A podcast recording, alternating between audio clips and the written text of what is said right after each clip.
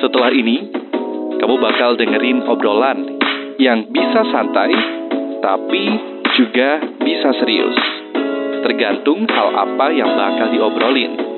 Tapi yang pasti, setiap orang punya pemikiran dan sudut pandangnya masing-masing.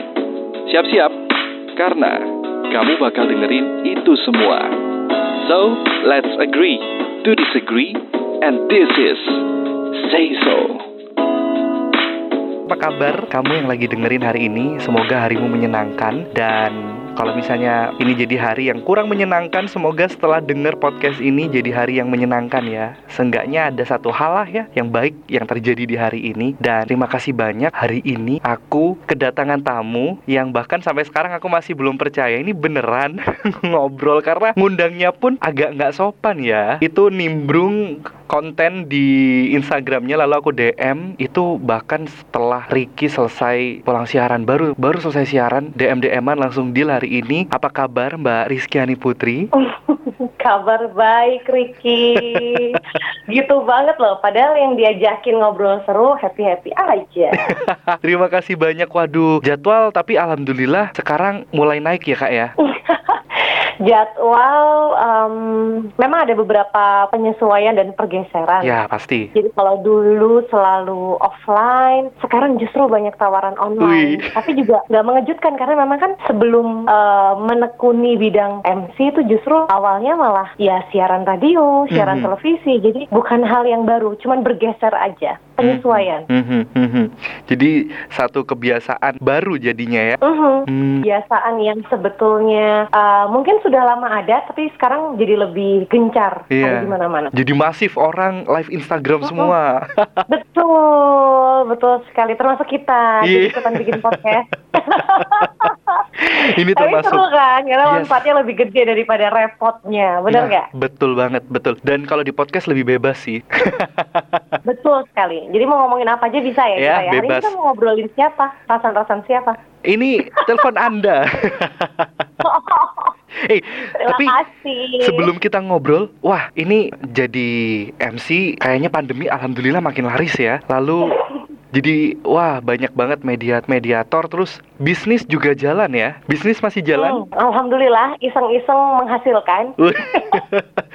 Serius, Ricky udah mau DM lupa gara-gara apa ya sampai sekarang menyesal. Masih buka PO nggak sih? Oh, bahkan sekarang udah nggak sistem PO lagi. Tiap Oh. hari masak by Oh, request. Jadi kita masak biar fresh. Jadi kalau stoknya udah mulai uh, agak banyak di freezer, kita stop. Terus nanti beberapa hari masak lagi. Udah gitu. Jadi uh, first in, first out gitu. Wih, keren banget sampai banyak yang sharing ya, sharing-sharing tentang pendingin, tentang tentang packaging. sealer, betul. Luar biasa. Kok bisa ya nggak ngira nih. Padahal dulu masak aja ogah. eh, rezeki pandemi tapi ini bahkan mulainya sebelum pandemi ya. Mm-mm, betul. Sebelum pandemi emang teman-teman banyak. Awalnya kan masak iseng. Mhm. Terus teman-teman pada minta dibikinin, dikirimin. Setelah itu mereka mungkin pada sungkan ya, karena kan pengen order lagi. Mereka bilang udahlah jual, jual, jual. Nah kalau udah jual kan harus mikir brand, harus Ya. mikirin uh, packagingnya. Akhirnya udah sekalian diseriusin. Tapi aku pertama kali ketemu Kak Rizkyani Putri itu tahun berapa ya? 2018 kalau nggak 17 di Sing Your Mind. Oh, wow. Jadi Udah lama banget loh. Iya, lama Ah. banget ya. Astaga, itu Tiga tahun lalu. Ah, aku dateng ka- karena aku udah aku ikut Sing Your Mind itu di kelas pertamanya. Jadi hmm, aku datang ke sana. Iya ikut karena kan ya memang selalu acaranya kan fasilitatornya keren-keren ya. Jadi kayaknya sayang gitu kalau nggak datang gitu. Oh, oh. Tapi sejujurnya sebelum itu Ricky sering banget denger nama Rizkyani Putri, tapi Ricky belum pernah tahu ini orangnya kayak gimana. Jadi sorry. Oh, Sebelumnya pernah dengar di mana? Apakah obrolan-obrolan yang menyesatkan terkait diriku? Wah, tentunya tidak. Malah sebagai patokan, kamu kalau nge-MC nanti, ini kalau bisa, ini kayak gini Rizkyani Putri kayak, oh iya iya iya iya. Tapi Aduh. ketemu orangnya belum pernah sih. Tapi waktu itu uh, aku mendengarkan dirimu memaparkan pengalamanmu, geleng-geleng kepala sambil bilang, ini orang powerful banget ya. Wow. Karena tiga Kamu hari- jam ngomong bang. Yes, karena tiga hari dari itu aku masih kepikiran apa yang kamu omongin gitu loh. Impactful banget. Selamat anda. dari Anda terjerat oleh daya pikat saya. Wis. dari dari MC yang dibayar seadanya sampai dengan um, di fase yang saat ini curhat Alhamdulillah, kemarin. alhamdulillah, alhamdulillah. Tapi kalau misalnya kita breakdown nih awal mula seorang Rizkyani Putri nyemplung di dunia ini tuh gimana sih ceritanya? Pertama nyemplung ya, jadi eh, wah ini bakal panjang banget sebenarnya. Wah, Satu it's jam okay. Dua jam siap kok ini durasinya. Jadi em, dari kecil, ini Mhm. kalau boleh cerita, dari kecil tuh eh, aku tuh orang yang taat azas banget. Jadi kalau ada koridor, ada jalan di depanku, itu yang bakal aku tempuh. Aku nggak bakal meleng kanan kiri. Nah, pada satu waktu aku orangnya study oriented banget, itu zaman SD. Mhm. Dan itu membuat aku akhirnya eh, nggak punya teman, karena terlalu idealis. Serius? Jadi nggak mau Serius? nyontekin temen, nggak mau nyontekin temen, nggak mau kasih apa ya jawaban dan sangat sangat individualis. Jadi zaman SD itu benar-benar mungkin kalau ada orang kenal aku tuh pikirannya aku tuh nyebelin gitu karena takut takut takut ketahuan gitu kalau misalnya ada yang tanya aku jawab karena eh, orang tua aku guru dua-duanya Oh, dan aku oke. tuh nggak mau sampai kejadian aku tuh eh, bikin sesuatu yang salah di sekolah dan orang tua dipanggil aku nggak mau bikin mereka malu. Nah, singkat cerita, aku kemudian menjadi korban perundungan, bullying. Hah? Karena aku Wow. bukan temen yang asik, aku bukan temen yang asik, aku anak emas di sekolah karena guru-guru tuh selalu bilang, tuh lihat Putri, tuh lihat Putri. Oh, malah Oh, jadi kayak bumerang ya? Jadi bumerang dan jadi beban tersendiri. Padahal waktu itu tujuanku cuma aku tuh pengen bikin orang tua aku bangga, that's all. Aku nggak ada niat buat sok pinter atau gimana, sama Mhm. sekali enggak. Cuman memang mungkin aku terlalu kenceng ya, jadi akhirnya aku nggak punya temen dan orang teman-temanku cenderung eh, menjauhiku sampai kemudian aku setiap hari itu di sekolah datang ke sekolah untuk menangis Astaga. Umur Itu SD kayak- itu ya? SD dari kelas 4 sampai kelas 6 Astaga. SD itu aku tiap hampir tiap hari di sekolah nangis. Mungkin kalau sehari nggak nangis itu eh, luar biasa ajaib. Dalam satu minggu lima hari nangis bisa.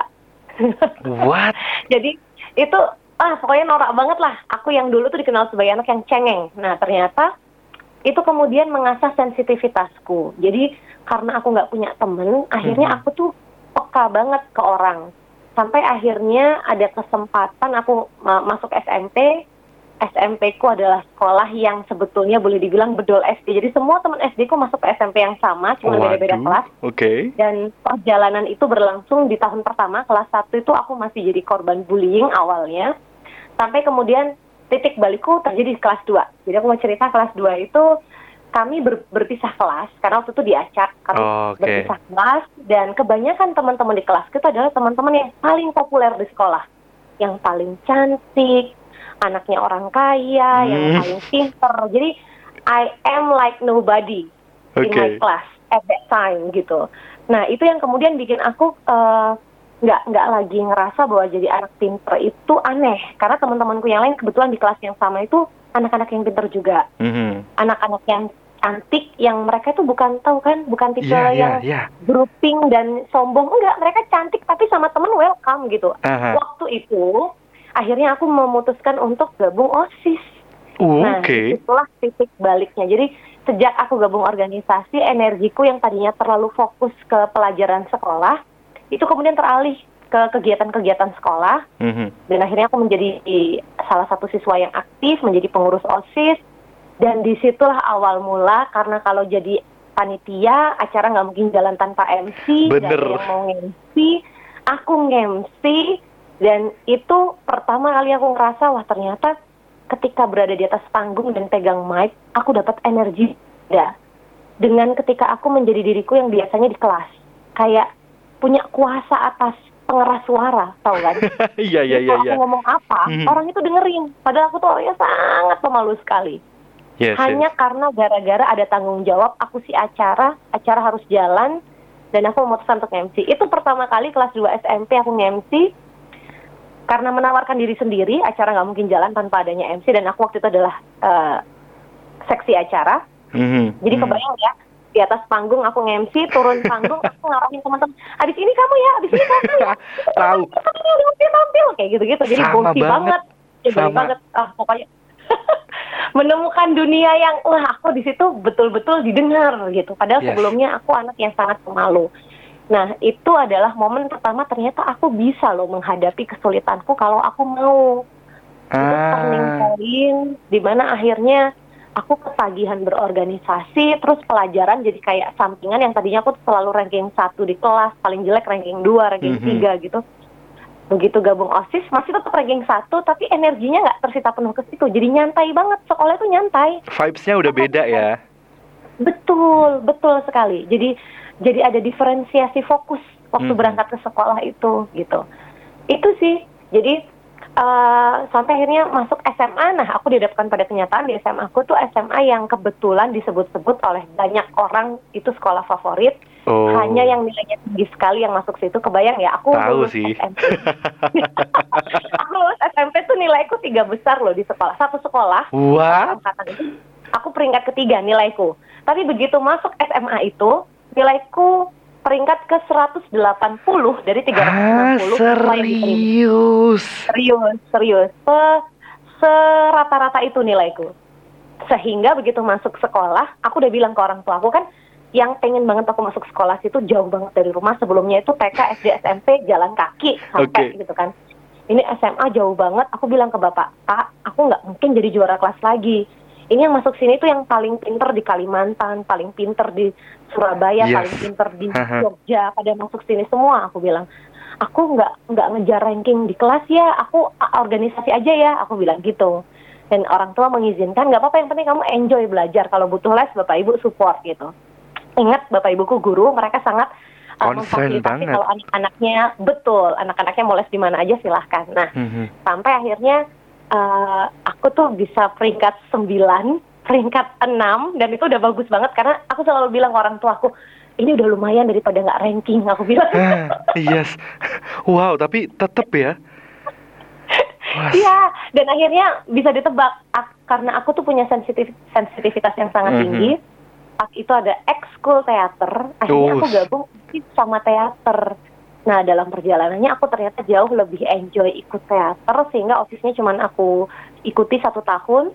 Jadi kelas 2 aku gabung OSIS dan teater, kelas 3 aku jadi ketua teater. Wah, Itu ada momen di mana aku kemudian dan eh, ekskul teater waktu itu di sekolah kami habis vakum beberapa tahun. Jadi nggak ada kegiatan sama wah sekali. dan berarti mulai lagi itu ya. mas starting from zero. Ya cari pelatih. Jadi setiap kali ada kegiatan apa, aku ingat banget di Taman Budaya Cadurasin Jawa Timur waktu itu kumpul. Aku tuh sampai yang PDKT ke eh, fasilitator yang aku anggap seru dan keren. Aku deketin, aku bilang, itu. "Mas, kalau ngajar teater di sekolah itu sistemnya gimana ya? Pengajuannya gimana? Jadi aku tuh yang babat alas lagi, mulai lagi dari nol. Dan What? alhamdulillah, yes, yes. Dan alhamdulillah waktu itu, ya mungkin karena teman-temanku tahu kalau aku passionate banget di kegiatan itu di UKM unit kegiatan mahasiswa itu eh UKM kan kampus ya Iya. di ekskul itu- sorry ekskul ekskul sehingga karena nyambung lagi zaman kuliah aku jadi ketua UKM teater jadi kayak aduh Astaga. ketagihan banget lah pokoknya. Nah, sebetulnya aku mau cerita apa yang terjadi pada aku ini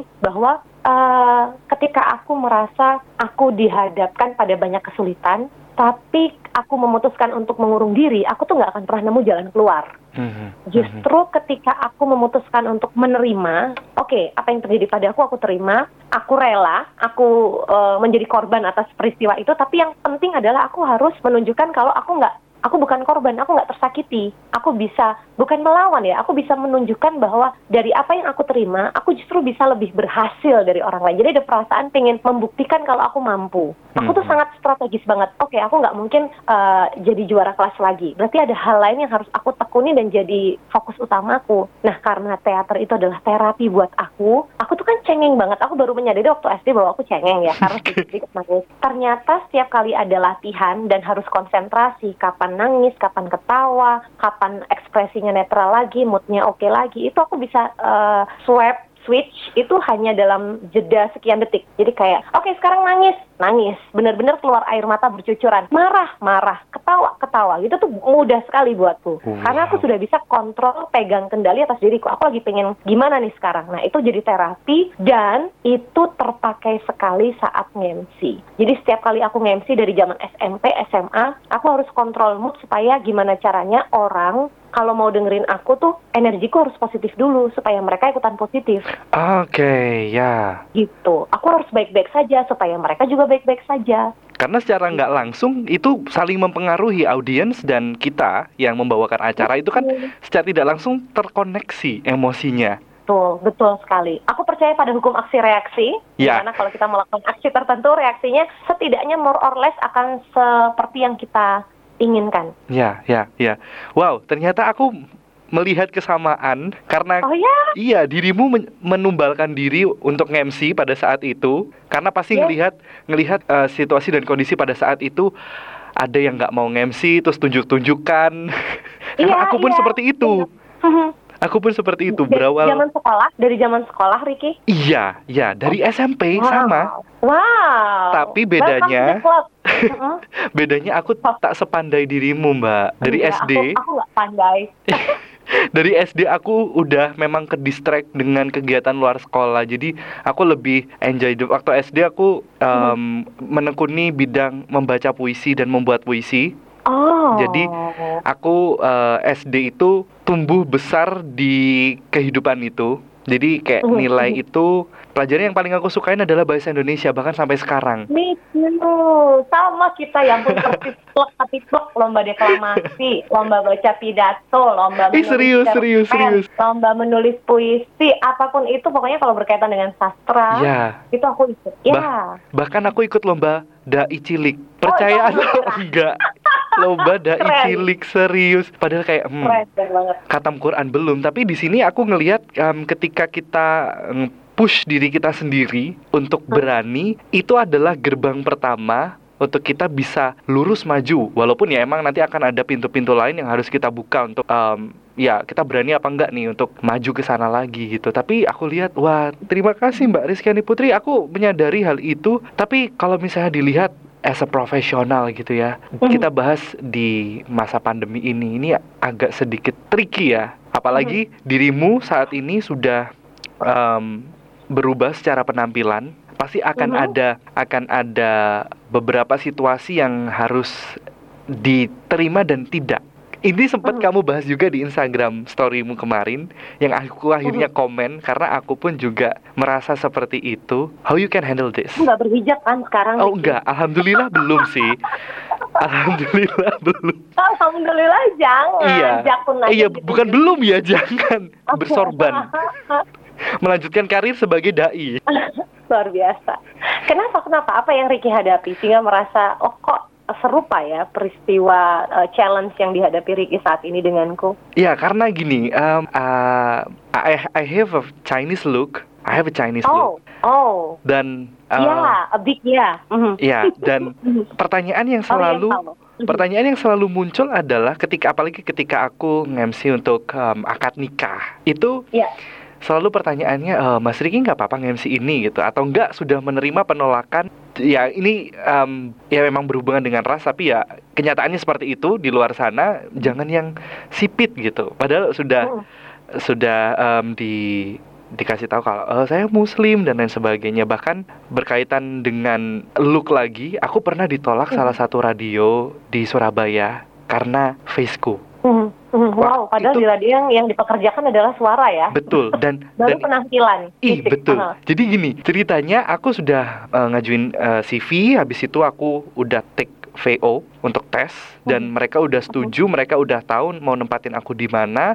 Habis itu di- mereka baca CV-ku, mereka nolak langsung Hmm. karena aku SMP dan SMA-nya juga sekolah di Katolik memang karena Hmm. keinginan orang tua melihat ada stigma sekolah Katolik bagus gitu. Jadi Hmm. disekolahkan di sana Mhm. dan mereka cukup mempertimbangkan itu gitu loh. Jadi ya bahkan dirimu sendiri kamu nggak bisa Oh. menyalahkan. kalau aku boleh bilang ya, eh, ini ada dua hal yang aku cermati. Yang pertama soal branding. Jadi ada beberapa upaya yang kalau Ricky lakukan nunjukin bahwa Ricky itu bisa masuk di event ini, ini, ini, ini, ini Mhm. dengan memunculkan secara terus menerus. Orang akan eh, keterpercayaan itu kan muncul salah satunya karena terpaan kan, karena Yes. diterpa terus menerus gitu, diyakinkan terus menerus. Itu yang pertama. Terus yang kedua, ketika Ricky merasa bahwa tadi itu situasi yang sudah terlanjur terjadi dan mau nggak mau dan itu menjadi dalam tanda kutip kelemahan, justru menurutku itu justru jadi kekuatannya Ricky yang membuat Ricky berbeda dengan MC pria lain pada umumnya. atau penyiar radio pria lain pada umumnya di mana kebayang nggak kamu tuh lahir dari keluarga katakanlah muslim Mhm. tapi kamu me- menempuh pendidikan di tempat di mana kamu belajar tentang multikulturalisme, perbedaan, perbedaan pandangan, agama, cara untuk me- me- me- melakukan toleransi kepada yang lain. Mhm, mhm. Itu nggak semua orang punya. Artinya kamu punya pandangan dan wawasan yang sangat terbuka yang belum tentu dimiliki orang oleh orang lain. Dan sebetulnya ketika kamu menganggap bahwa itu kelemahan, itu justru jadi kelebihanmu. In my own opinion. Hmm, memang harus me- mengubah sudut pandang ya. Iya betul betul itu terjadi ketika aku tuh kan nge-MC semua event aku nge-MC suatu ketika aku ketemu sama ada MC senior banget dia udah hijrah ke Jakarta waktu aku lagi nge-MC di TP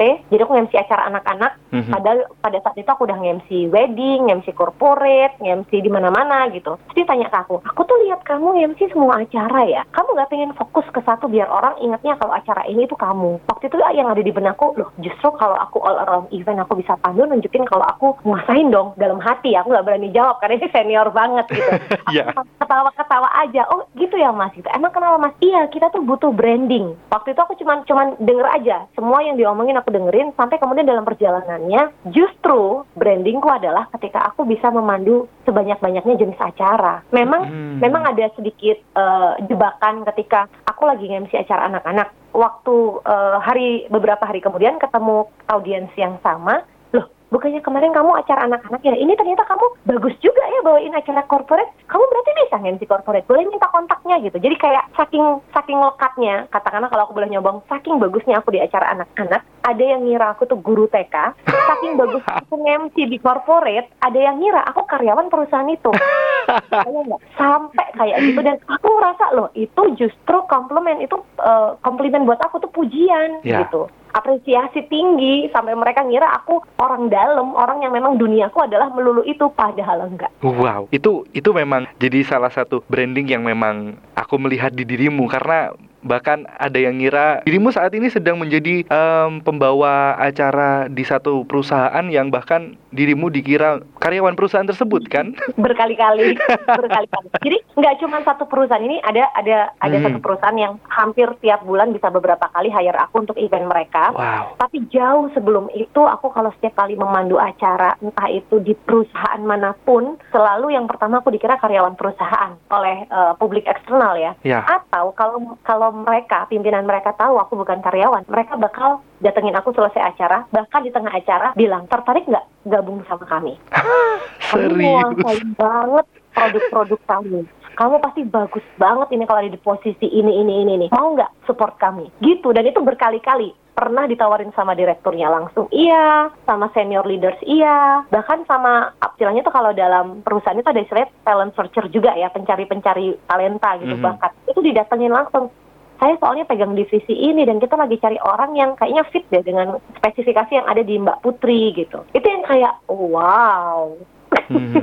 Ini jadi privilege-mu sendiri. Nah, ini gimana kamu menghadapi tawaran-tawaran kayak gitu, Mbak? Ah, dengan sopan tentu menyampaikan saya dengan senang hati siap support kapan saja Pak kalau dibutuhkan. Namun untuk terikat mohon maaf sebesar-besarnya karena passion utama saya sampai detik ini masih di dunia public speaking. Oh gitu ya, nggak apa-apa kita ngerti kok. Ini kartu nama saya, nanti kalau berubah pikiran atau tertarik bergabung dengan kami, kabarin aja. Wow. Gitu. Wow.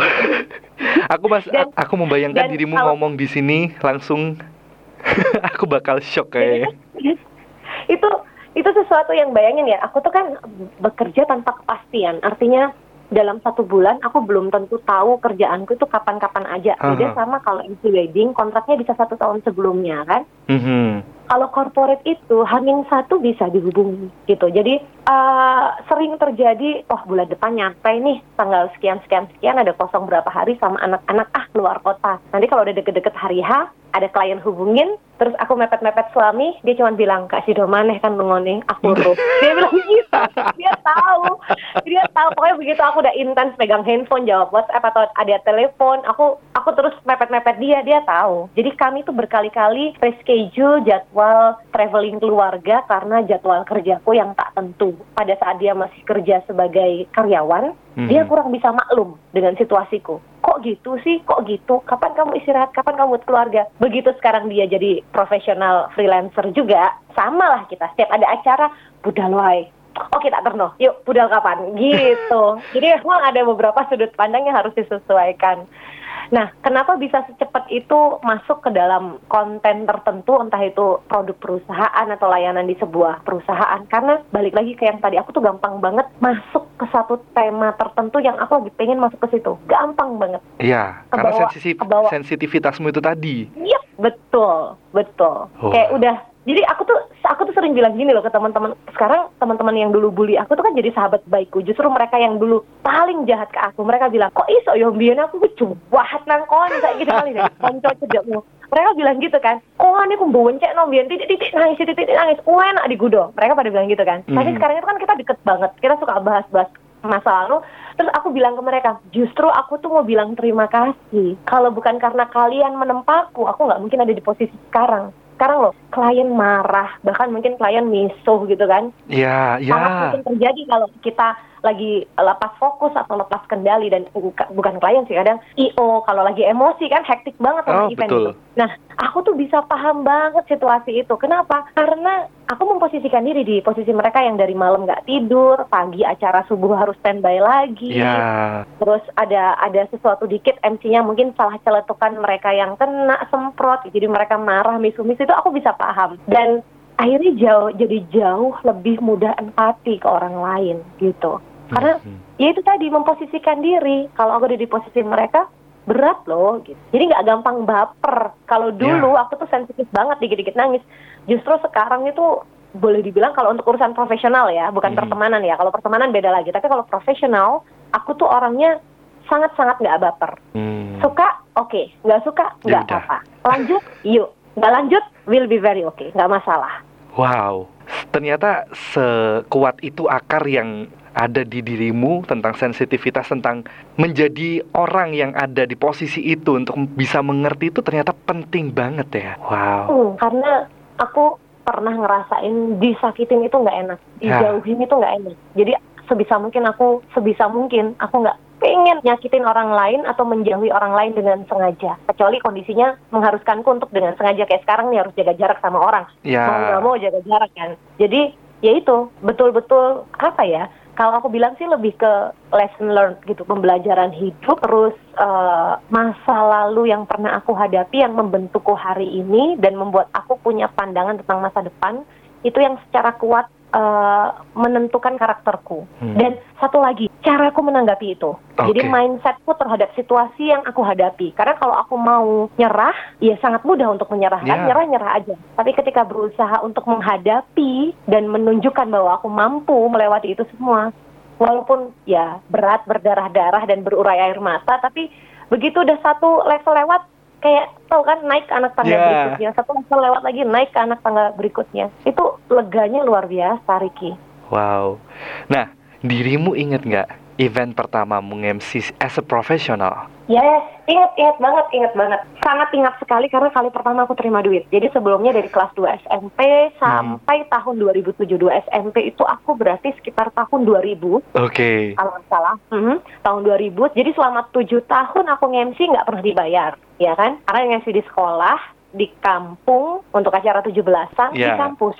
Jadi udah benar-benar for free gitu. Nah, tahun 2007 kali pertama gara-gara kan akhirnya brandingnya kalau cari bumi aja Putri, teman-teman kampus gitu. Mereka hmm.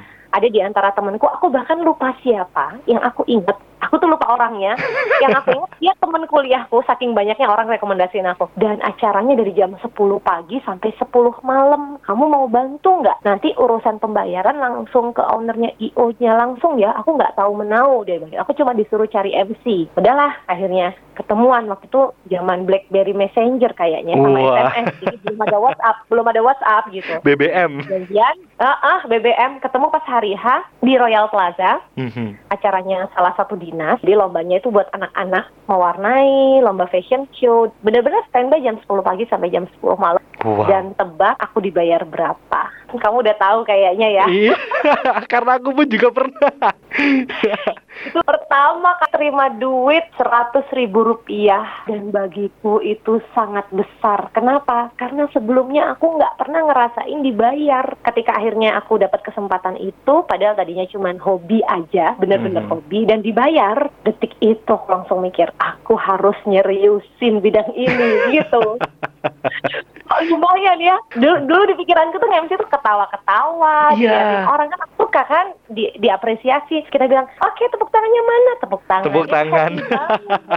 Iya, zaman zaman dulu kalau mau nyuruh orang tepuk tangan gitu. Yes, masih yes. masih maksa, masih malak, malak tepuk tangan. Iya iya iya iya betul betul betul. Tapi untukku itu itu jadi bumerang juga karena karena memang em, aku terjun di bisnis ini dengan sepenuh hati karena rasa suka karena rasa mencintai profesi ini Mhm. bahkan sampai bisa dikatakan sampai sekarang aku tuh terjebak dalam apa ya deal harga karena menurutku berapapun itu aku syukuri karena aku melakukan ini karena rasa suka ya sama Hmm. seperti rasanya masih sama seperti ketika kali memandu acara secara profesional walaupun dia dibayarnya sama seperti Kak Putri Hmm. pertama kali waktu itu nah gimana Kak Putri menghadapi hal-hal pasti ada masa transisi seperti itu dong Oh, tentu.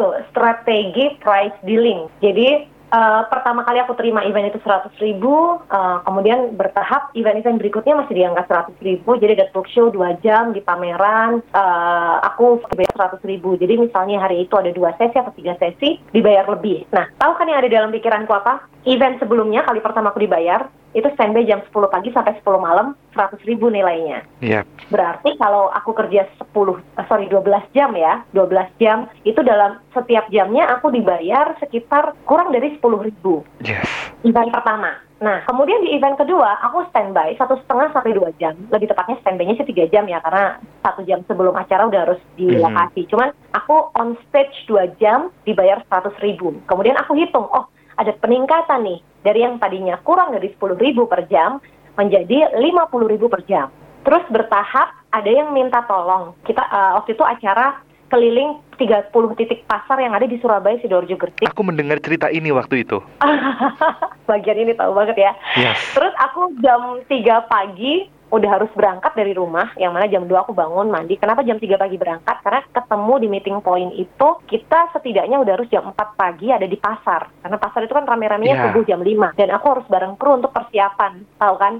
Menegakkan sound system, menegakkan tenda. iya Jam 3 pagi aku berangkat dari rumah, diantar bapakku. Bapakku sangat sayang sekali padaku, tidak mengizinkanku naik motor oke dini hari, jadi aku diantar, aku ke tempat acara, ke meeting point, kita kumpul di situ, terus eh, datang ke titik-titik itu. Yang tadinya kontrak itu aku sebetulnya cuma dibuat backup aja, MC tetap yang berhalangan full karena dia ada jadwal MC di tempat lain paginya, jadi nggak bisa full 30 titik. Akhirnya dia minta aku diizinin partner ya, dan ini rekomendasi MC itu. Jadi awalnya aku dikasih slot 10 hari, dia 20 hari. You know Ricky dalam perjalanannya, hari pertama, hari kedua aku dapat info dari IU. Putri, sorry banget ya, kliennya minta, perusahaannya minta, kalau bisa kamu yang jadwalnya lebih banyak dari dia.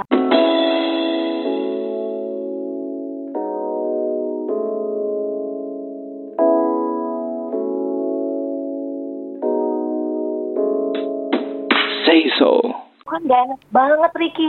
Aku bilang, loh kenapa mas? Iya, soalnya mereka suka banget sama pembawaanmu. Dan MC lain ini kan direkomendasikan sama IO.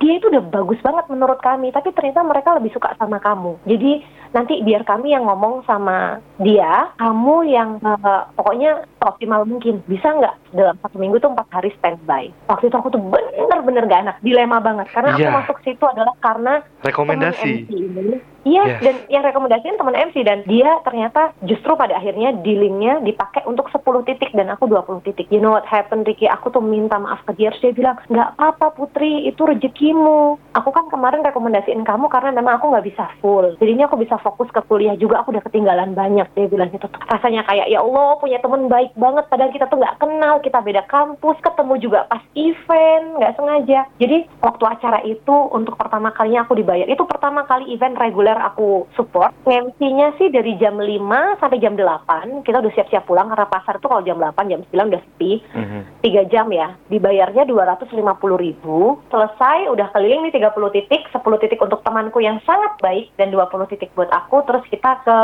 eh, pada hari tertentu sekitar satu atau dua minggu selesai acara diminta datang ke kantor IO dan terima duit cash. Oke. wow Itu yang ada dalam pikiranku waktu itu, ya Allah 250 ribu dikali 20 titik. Itu gede banget. Oh, Gede wow. banget karena aku nggak pernah terima duit kayak gitu dan waktu aku pulang, aku tunjukin ke orang tua aku ini bayaranku nge-MC kan. Aku tuh ngerasa aku diantar bapak ya tiap Mhm, pagi. mhm. Aku tuh mau ganti bensinnya bapak gitu. Terus bapak bilang gini, ngapain? Itu rezekimu. Kalau bapak nganter kamu kan kewajibannya bapak, kewajiban orang tua ke anak. Udah Ah. kamu simpan aja, kamu tabung. Terus ibu, bapak ibu ini kan guru. Ya. Ibu nyeletuk, Dok, dok, bayaranmu ngoceh rong puluh dino kok ngeluhi gajinya ibu saulan, dok. Bilang gitu. itu adalah detik di mana kan waktu itu kan aku eh, belum lulus masih bikin proposal atau lagi garap skripsi gitu loh in the Hmm. middle of something gitu bakal oh, jelang lulus itu orang tua itu udah mulai ngeh kalau anaknya itu passionate banget di eh, aktivitas MC dan ternyata ada ada nilai yang patut diperjuangkan gitu jadi ketika awal-awal lulus kuliah sebagaimana orang tua pada umumnya Mhm. Yuk lagi ada lowongan ini, daftar ya. Daftar aku, lowongan ini, daftar-daftar. Pokoknya setiap orang tua dapat info lowongan apa, aku ngelamar, ngelamar kerja. Jadi waktu itu mulai dari tes CPNS, BPK, Badan Pemeriksa Keuangan, Mhm. sampai salah satu bank BUMN besar di Indonesia, aku udah sampai eh, tahap wawancara, dan aku ditolak. Pas itu interviewnya in English, fully in English, dan aku nggak jago bahasa Inggris. Jadi aku benar-benar ngerasa, oh ini apa yang digariskan Tuhan pada aku ini memang, ya aku belum buru-buru diminta Tuhan untuk kerja sebagai karyawan. Ya udah aku Mhm. nekunin aja, siaran radio, MC, sampai kemudian kasihkan Ricky.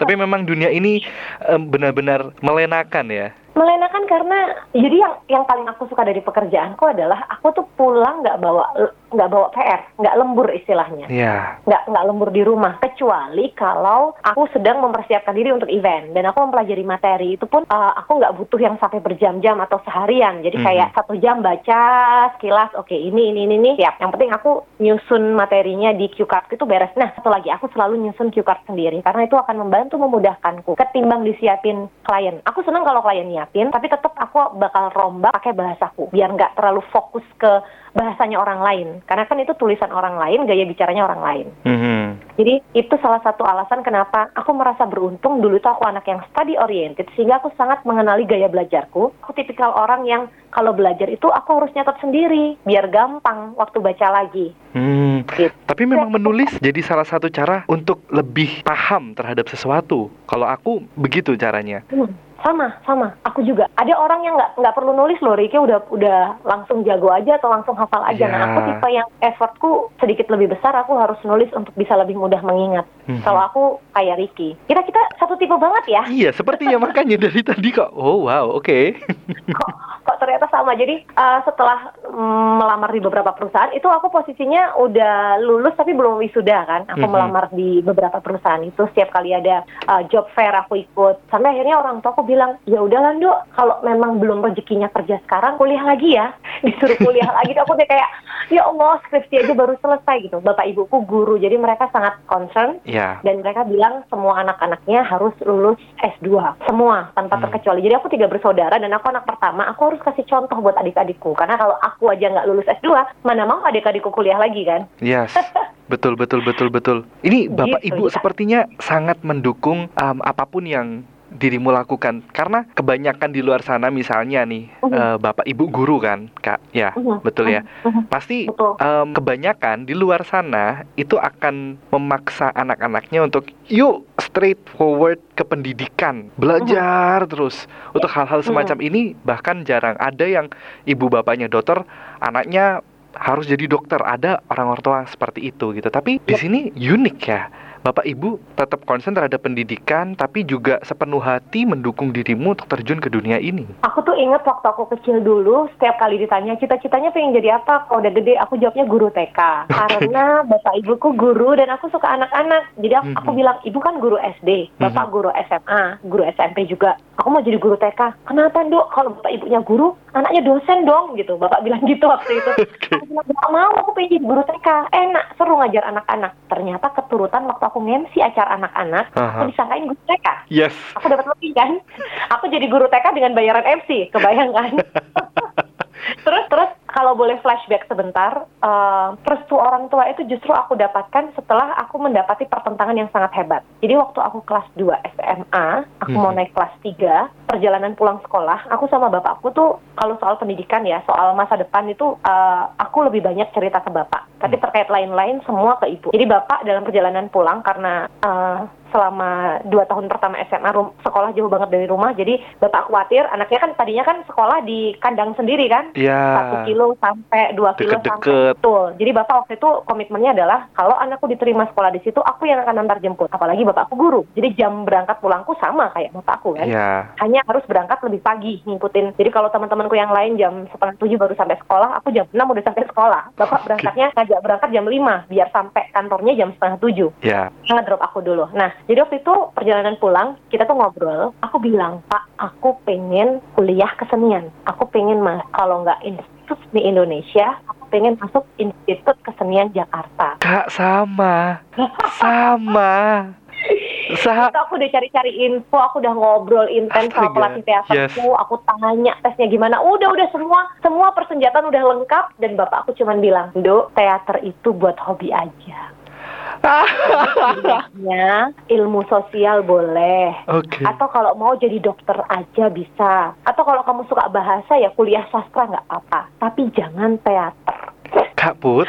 Itu Ap- aku nangis sepanjang perjalanan nangis, nangis, nangis, nangis, nangis, bener-bener nangis. Aku, Astaga. aku detik itu aku benci sekali pada bapakku. Kenapa? Karena aku tuh ngerasa dari kecil, aku tuh nurut bapak sama ibu. Aku tuh nggak pernah berontak. Aku tuh selalu ingin bapak ibu tuh bahagia. Aku tuh pengen mereka tuh bangga punya anak aku. Ah, Tapi hari itu aku mendapati penolakan dan aku tidak direstui. Bapak bilang, kamu mau latihan teater sampai jam berapapun Bapak support. Tapi nggak perlu kuliah jurusan teater. Cukup itu hobi aja. Kak, Itu tuh rasa aku patah hati. Aku tahu rasa patah hatimu karena kita sama persis bahkan kata-kata bapakmu sama persis dengan kata-kata papaku. Persis sama. Aku Selamat. kelas 2 aku sudah aku sudah fokus tanpa bilang ke orang tua, aku akan kuliah di ISI jurusan teater. Mhm, Sudah jurusan mantap. Kebetulan guru kesenian di sekolahku adalah lulusan ISI. Jadi setidaknya aku ada jalan ya untuk tahu Ada kalau mau masuk ISI itu gimana caranya, apa aja yang di, em, dibutuhkan gitu. Mhm, Dan Tidak terlalu meraba. Iya, ketika pertahananku runtuh setelah ya orang tua bilang seperti itu. Wah, tahu sih aku sakit hatinya gimana? Mhm, mhm. Tahu, paham sekali, paham sekali. Wow. patah hati banget, patah hati banget. Nah, karena terjadi momen itu mungkin bapakku ada sedikit rasa bersalah ya karena membuat anaknya kecewa dan bapak itu menyadari kalau aku tuh selama ini menjadi anak pertama yang selalu membanggakan orang tua dan jadi teladan buat adik-adik. Mhm. Jadi setelah itu bener-bener aku pegang kata-katanya bapakku. Aku kuliah itu aku bisa latihan teater sampai malam tengah malam. Aku ikut lomba ini, lomba itu, bikin karya ini, project itu dan bapak ibuku tuh nggak ada komplain. Mereka cuma bilang Hmm. jangan lupa makan, jangan lupa sholat. Pun cuma itu aja. Jadi aku mau pulang malam jam 12 juga mereka nggak akan, mereka percaya tuh. Dan itu adalah kompensasi atas kesediaanku mengalah saat aku SMA dan menyimpan mimpi yang ingin sekali aku raih. Dan aku nggak dapetin itu. Karena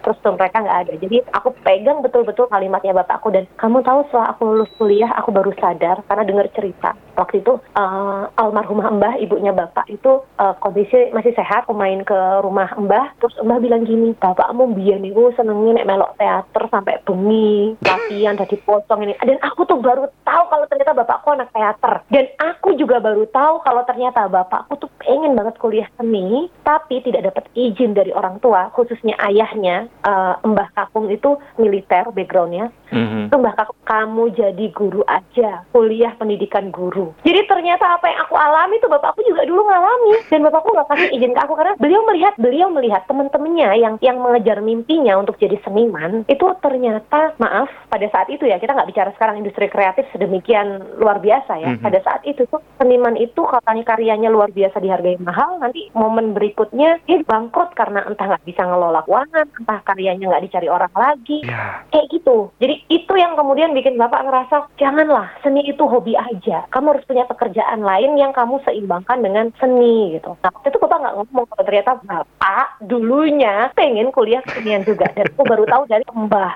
Itu aku aku tuh bahas itu sama bapak. Bapakku tuh malu banget. Malunya tuh lebih ke iya bapak nggak mungkin cerita lah mas. Bapak ngelar melarang anaknya bapak buat nggak kuliah kesenian, padahal bapak dulu ya pengen kuliah kesenian.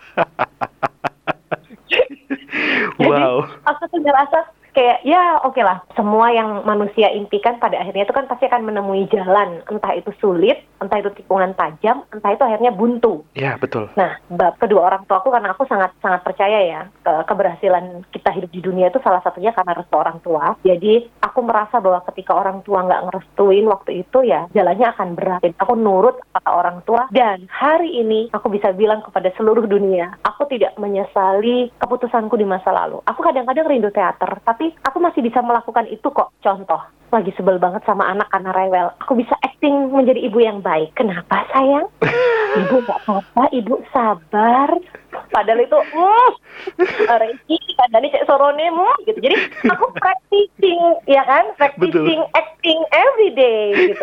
Dalam dalam dun- dalam dunia panggung juga aku melakukan itu. Gondok banget misalnya sama klien atau ada audiens yang nggak mau dengerin kita. Ya udah acting acting aja kepake ilmuku cuman untuk peruntukan yang berbeda Yes. bukan untuk uh, pertunjukan dalam arti drama yang Hmm. sesungguhnya tapi ya pada akhirnya aku berakting di mana pun aku berada Tapi memang dirimu dengan pendidikan ini mempunyai concern yang cukup tinggi. Aku kemarin Google namamu di Ah, wow di search engine Google, aku menemukan Ah, artikel dengan judul Hmm. Sekolah di Surabaya Kekurangan Murid, Rizkyani Putri, Transparasi Pagu itu Penting. Wah. Dan ini terbitan 2018. Ketika umurmu 31. Ah. Lengkap di sana. itu selesai MC ada temen jurnalis mbak mbak aku lagi kejar deadline nih aku lagi diminta bahas ini gitu. Kamu punya pandangan nggak? Kamu nggak? Yo itu kan ngikutin kan dunia apa pendidikan di Surabaya. Oh ya lumayan mbak. Aku mau coba-coba berita. Ya, ya mbak aku jawab tanggapanmu mbak. Udah gitu aja. Cuma Tapi ditanyain apa dijawab. Kan sesuatu yang sangat istimewa karena ya dimintai pandangan aja. Karena itu kebetulan MC-nya konteksnya MC Ya, buat sama ya juga. Dirim- parenting atau memang nyambung sih gitu. Jadi Ali. Dan dirimu juga punya dua anak perempuan cantik. Nah, dirimu sudah melewati banyak fase di kehidupan ini. Dari dibully sampai berteman dengan si pembuli.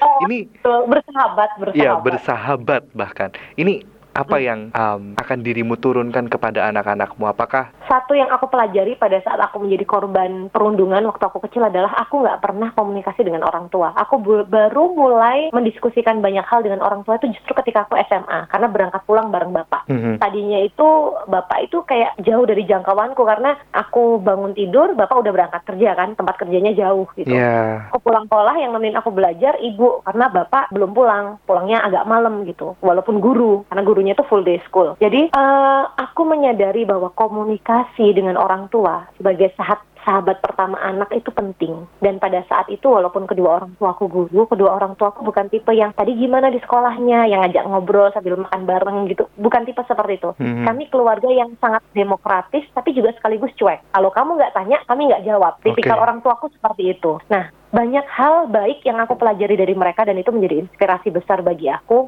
jadi panutan. Tapi ada beberapa hal yang kemudian aku pelajari, aku formulasikan ulang. Contohnya itu tadi, aku lebih suka menanyakan ke anakku kalau dia lagi agak murung, kenapa? Kalau aku menemukan di buku buku hariannya, jadi anakku ini SD tapi sudah punya buku harian keren.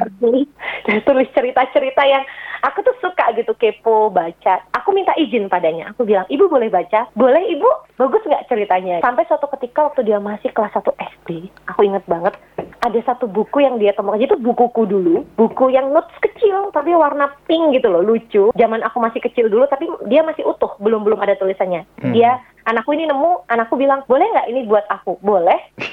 Aku tulis-tulis boleh? Boleh. Nah, ini ternyata menjadi buku rahasia di luar buku harian. Jadi buku rahasia ini bertuliskan pada saat itu adalah Chandrika love someone. itu aku potek-potek aduh sebentar ya. Jadi yang pertama nemu itu kan buku itu disembunyi bukan disembunyikan sih sama dia, lebih ditaruh di tempat yang bukan tempat yang biasa eh, dengan mudah kami lihat. Mhm. Jadi suatu ketika suamiku nemu, suamiku nyodorin ke aku, terus dia bilang, aku nggak isok kayak gini-gini, Ki. aku nyeluk tolong ibu aja sih ngurus. Aku bingung apa gitu kan, tak terima buku itu, terus aku lihat Chandrika love someone. Terus ada eh, temennya di kelas, namanya siapa perempuan love siapa. Jadi dia nulis love love love itu, terus oh ya, oke. Jadi ada beberapa nama di situ.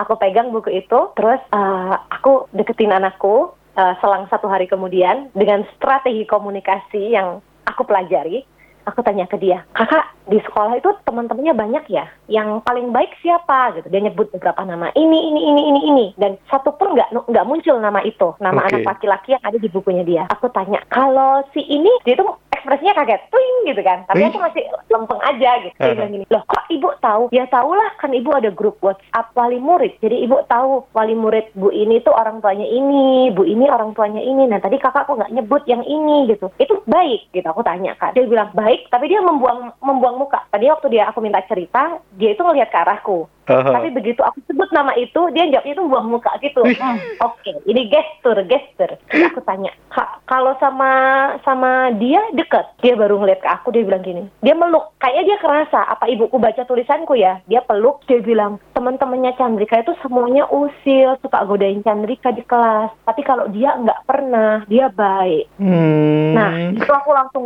Oh, jadi anakku ini yang pertama sensitivitasnya sangat tinggi melebihi diriku. Aku tuh ngerasa aku udah sensitif banget. Anakku yang kedua, eh, yang pertama justru jauh lebih sensitif dan dia itu sudah bisa melihat mana temen yang usil banget, yang aduh enggak deh temenan sama dia, mana yang justru diem, tenang, baik, nggak ikut-ikutan itu loh kalau teman-temannya godain dia Mhm. gitu. Dan dia sama persis kayak aku. Dia nangis kalau digodain. Terus aku tanya, kalau lagi digodain gitu terus kakak nangis gimana? Lega kalau sudah nangis. Oh enggak, hidungnya buntu, susah nafas. gitu. Kapan-kapan, kalau memang pengen nangis, nangis aja. Tapi setelah itu, tarik nafas. Terus dikeluarin, tarik nafas lagi sampai kakak tenang. Terus kakak bilang, godain aja. Aku loh nangis, tapi aku nggak benci kok sama kalian. Aku bilang gitu. Ya ampun. Gitu. Kayak, emangnya kalau aku bilang gitu, mereka gimana ibu? Lah, coba aja besok. Jadi akhirnya setelah itu, besoknya dia coba, dan teman-temannya itu mungkin agak cegek ya, bahasa Mhm. Inggrisnya ya. Sehingga bertahap dia bilang, ibu, aku tadi coba kayak gitu ke temanku. Temanku udah goda-goda, terus aku bilang, aku pengen nangis sih, tapi nggak jadi. Sayang air mataku kalau nangis buat kalian gitu. Gitu-gitu deh bahasanya, aku nggak nggak inget persis gitu. Cuman, Iya. wih anak ini punya bahasa sendiri gitu. Dan akhirnya teman-temannya jadi malas godain dia, karena dia nggak nangisan lagi. Terus besok-besoknya lagi di bukunya kok nggak ada coret- coret-coretan love love itu lagi ya. Ternyata bagi dia sekarang semua temennya baik. Ah. Jadi ternyata ketika dia nulis itu adalah karena si anak ini nggak usil. Jadi bukan bukan ada tendensi ketertarikan Iya. fisik anak laki-laki terhadap anak perempuan terhadap anak laki-laki, tapi Mhm. lebih pada pemahaman psikologisnya ya. Kok Iya. anak ini baik sih, kok anak ini nggak ganggu gitu. Jadi memang harus harus mendalami ya. Namanya orang tua kalau lihat anak perempuannya nulis begitu pasti panik kan. Suamiku termasuk yang panik. Bapaknya sampai Kan, nggak bisa kayak gini ibunya aja.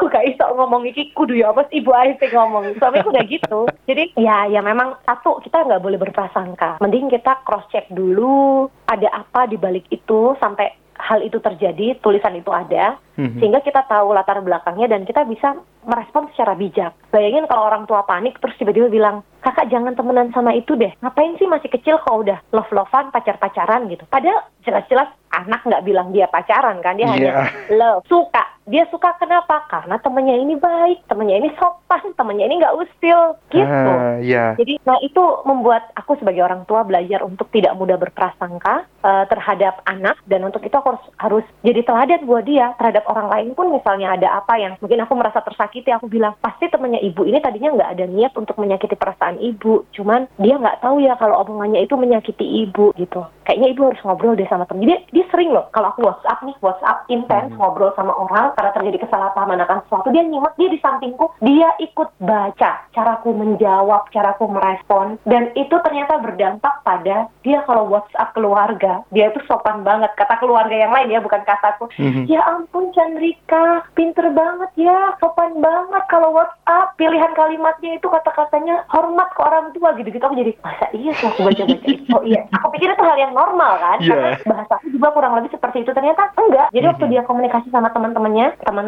sekelasnya, itu ada pilihan kata yang menurutku kurang tepat untuk anak seusianya. Ya udah, aku kasih tahu dia. Dia bilang, aku tahu kok ibu itu bukan kata yang baik, makanya aku nggak ikut-ikut nulis kayak gitu. Oh, dia akan diterpa oleh banyak hal dalam hidup, tapi selagi dia punya prinsip, dia punya value, dia nggak akan mudah terombang-ambing. Jadi sebenarnya itu apa yang terjadi padaku, aku coba untuk uh, bagikan kepadanya, bukan mengajarkan ya, karena dia pasti belajar banyak hal itu nggak cuma dari aku, tapi dari banyak orang, dari apa yang terjadi pada dirinya. Dan pada saat yang sama aku selalu bilang ke dia, kakak bebas menentukan dan memilih kakak mau pilih jalan yang mana. Itu karena kalau kakak udah milih sendiri, itu pasti sudah melewati proses berpikir. Kakak tahu, oh kalau aku pilih jalan yang ini, resikonya ini. Kalau aku pilih jalan yang ini, keuntungannya ini. Kalau aku pilih jalan yang ini, dampaknya ke aku ini. Jadi kakak punya tanggung jawab besar terhadap pilihan hidupnya kakak. Ngerti nggak ya dia? Pasti ngerti dong. ngerti banget, ngerti banget. Jadi aku tuh beberapa kali dikejutkan oleh kalimat-kalimat dia kalau pas dia lagi mendapati sesuatu yang menurutku dia pasti nggak sanggup deh ngelewatin ini. Menurutku pada yeah. usia dia nggak sanggup deh ngelewatin ini. Tapi dia tuh cerita ke aku dengan ringannya dan dia bilang tadi temenku uh, aku ajak main dia bilang nggak mau soalnya kamu kemarin bolo-boloan sama dia gitu. Oh. Aku cuma bilang aja gini, aku nggak bolo-boloan, aku tuh berteman dengan semuanya. Kalau kamu nggak suka aku berteman sama dia, aku minta maaf. Tapi aku juga nggak mau bolo-boloan. Kalau aku cuma doang, hmm. dia bilang gitu. Terus aku langsung, oh oke, okay. dia paham ya ternyata ya. ya logika pikirnya jalan gitu wow. soal relasi. Jadi memang di awal aku nggak nuntut dia untuk hmm. pelajaran akademis dia nggak nggak terlalu bagus. Dia rata-rata banget di atas 50 udah syukur alhamdulillah karena dia ngerjain sendiri totally. Dia cuma tanya kalau dia nggak ngerti. Jadi kemarin kayak nilai ujiannya tuh yang 100 ada, tapi 33 juga ada. Dan hmm. aku adalah orang tua yang boleh dibilang bukan bukan malu ya, tapi lebih ke oh ya ini koreksi nih. Berarti dengan cara belajar daring dia belajar sendiri kayak gini nih, kami harus tetap mendampingi nggak bisa totally lepas 100% yeah. gitu. Karena kan aku yang kayaknya sok idealis. Jadi aku tuh pengen dia total ngerjain sendiri. Itu tanggung jawab dia dan dia udah ngerti, dia udah bisa baca, hmm. dia udah bisa ngitung gitu. Ternyata uh, efeknya adalah nilainya kurang baik. Jadi kayaknya besok-besok aku aku harus pakai strategi sebelum dia kumpulkan ulangannya, dia harus tunjukin ke aku dan aku akan bilang ini masih ada lima jawaban salah. Kakak cari yang mana? Kalau kakak nggak tahu, ibu kasih tahu nomor berapa yang salah. Tapi kakak cari tahu sendiri jawaban benarnya. Kayaknya aku bakal pakai strategi itu karena kemarin benar-benar nilainya itu yang 33, 50, 65, 75, ada 100, tapi yang 33 juga ada. Itu kita, aku sama suamiku, aku perjalanan pulang MC dari Bangkalan, perjalanan pulang, gurunya share nilai hmm. uh, semester ini, kita itu ketawa ngakak Kenapa? Karena suamiku itu pernah ranking satu di kelas dan aku tahu sendiri ceritaku tadi. Jadi yes. kita tuh yang kayak nggak apa-apa ya, dia masih proses, dia masih belajar. Iya, kita ketawa ngakak. Kita orang tua yang gagal kalau urusan akademis. Karena aku tuh dulu capek loh ngejar terus terang. Aku tuh nggak mau nekan dia, walaupun dulu orang tua aku nggak pernah bilang kamu harus ranking satu yeah. di kelas. Tapi aku tuh selalu punya harapan ingin membahagiakan orang tua. Jadi aku nggak pingin dia punya beban itu. Yeah. Kalau memang nilainya bagus, karena dia enjoy, bukan karena dia merasa harus melakukan itu. Itu sih yang aku tanamkan ke dia. Ini jadi salah satu terapi juga buat aku ngobrol dengan dirimu, Mbak. Serius, aku aku dari tadi mendengarkan. Kamu udah siap jadi bapak ya? Amin. aku, aku maafkan aku ya. Dulu aku pikir aku suka banget public speaking, tapi makin ke sini aku justru nggak bisa berhenti ngomong parenting serius karena anak-anak itu buat aku mereka ajaib. Mereka bikin aku belajar banyak hal yang sudah aku lewati dalam hidup untuk coba aku terapkan ke mereka yang nggak semuanya boleh sama persis. Ah. Jadi aku tuh excited banget ngomongin parenting. Terus terang aja. It's okay. Jauh lebih excited ngomongin parenting daripada ngomongin public speaking sekarang. nggak tahu kenapa. Karena kalau MC kayak ya semua orang udah tahu lah Rizky Putri ya begini begini begini. Bikin buku. Kalau parenting itu banyak yang tersembunyi kan. Orang nggak tahu gitu. Bikin buku, bikin buku. Ah jangan, jangan, jangan. Tapi aku bikin terkenal. Masih terkenal penulis buku. Jangan. Tapi ini ini emang awalnya tadi kita ngobrol public speaking tapi memang ini masih nyambung ke public speaking karena ini um, masih berkaitan ten tentang kepekaan. Karena kepekaan itu ya kita butuhkan di berbagai hal termasuk public speaking. Tapi ini masih masuk. Iya. it's okay. Dan aku mendapat banyak pelajaran. Banyak banget banyak uh banget tentang menangani interaksi antar manusia ini kan memang berevolusi ya. Terus berubah uh berubah berubah. Aku juga mendapatkan banyak trik di sini. Terima kasih banyak. Ini kalau misalnya anda motivator saya bayar berapa ini ya?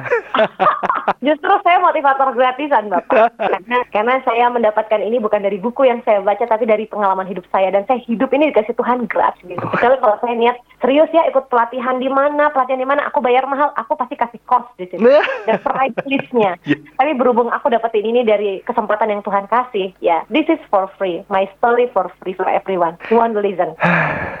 Ini sebenarnya ngobrol masih bisa panjang tapi ternyata kita udah satu jam 10 menit. Iya, kasihan nanti yang dengerin podcastnya. Ini gila nih ngomong nggak selesai-selesai nih doyan banget dua orang ini ngomong. Eh aku yang banyakan ngomong. tapi aku suka sekali mendengarkan. Terima kasih juga sudah meluangkan waktu untuk say so, untuk Ricky, untuk berbagi kisah yang bahkan itu kisah yang MC di pasar itu menjadi kisah favoritku. Itu yang bikin aku tiga hari kepikiran. Iya, iya, iya.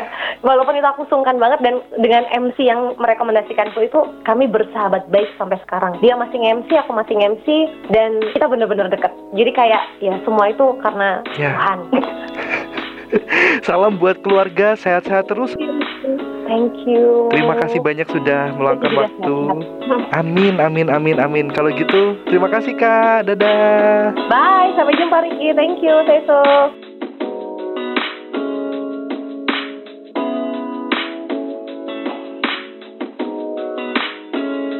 Terima kasih udah dengerin. Aku, Ricky Sado. Dan sampai ketemu di Say So episode selanjutnya.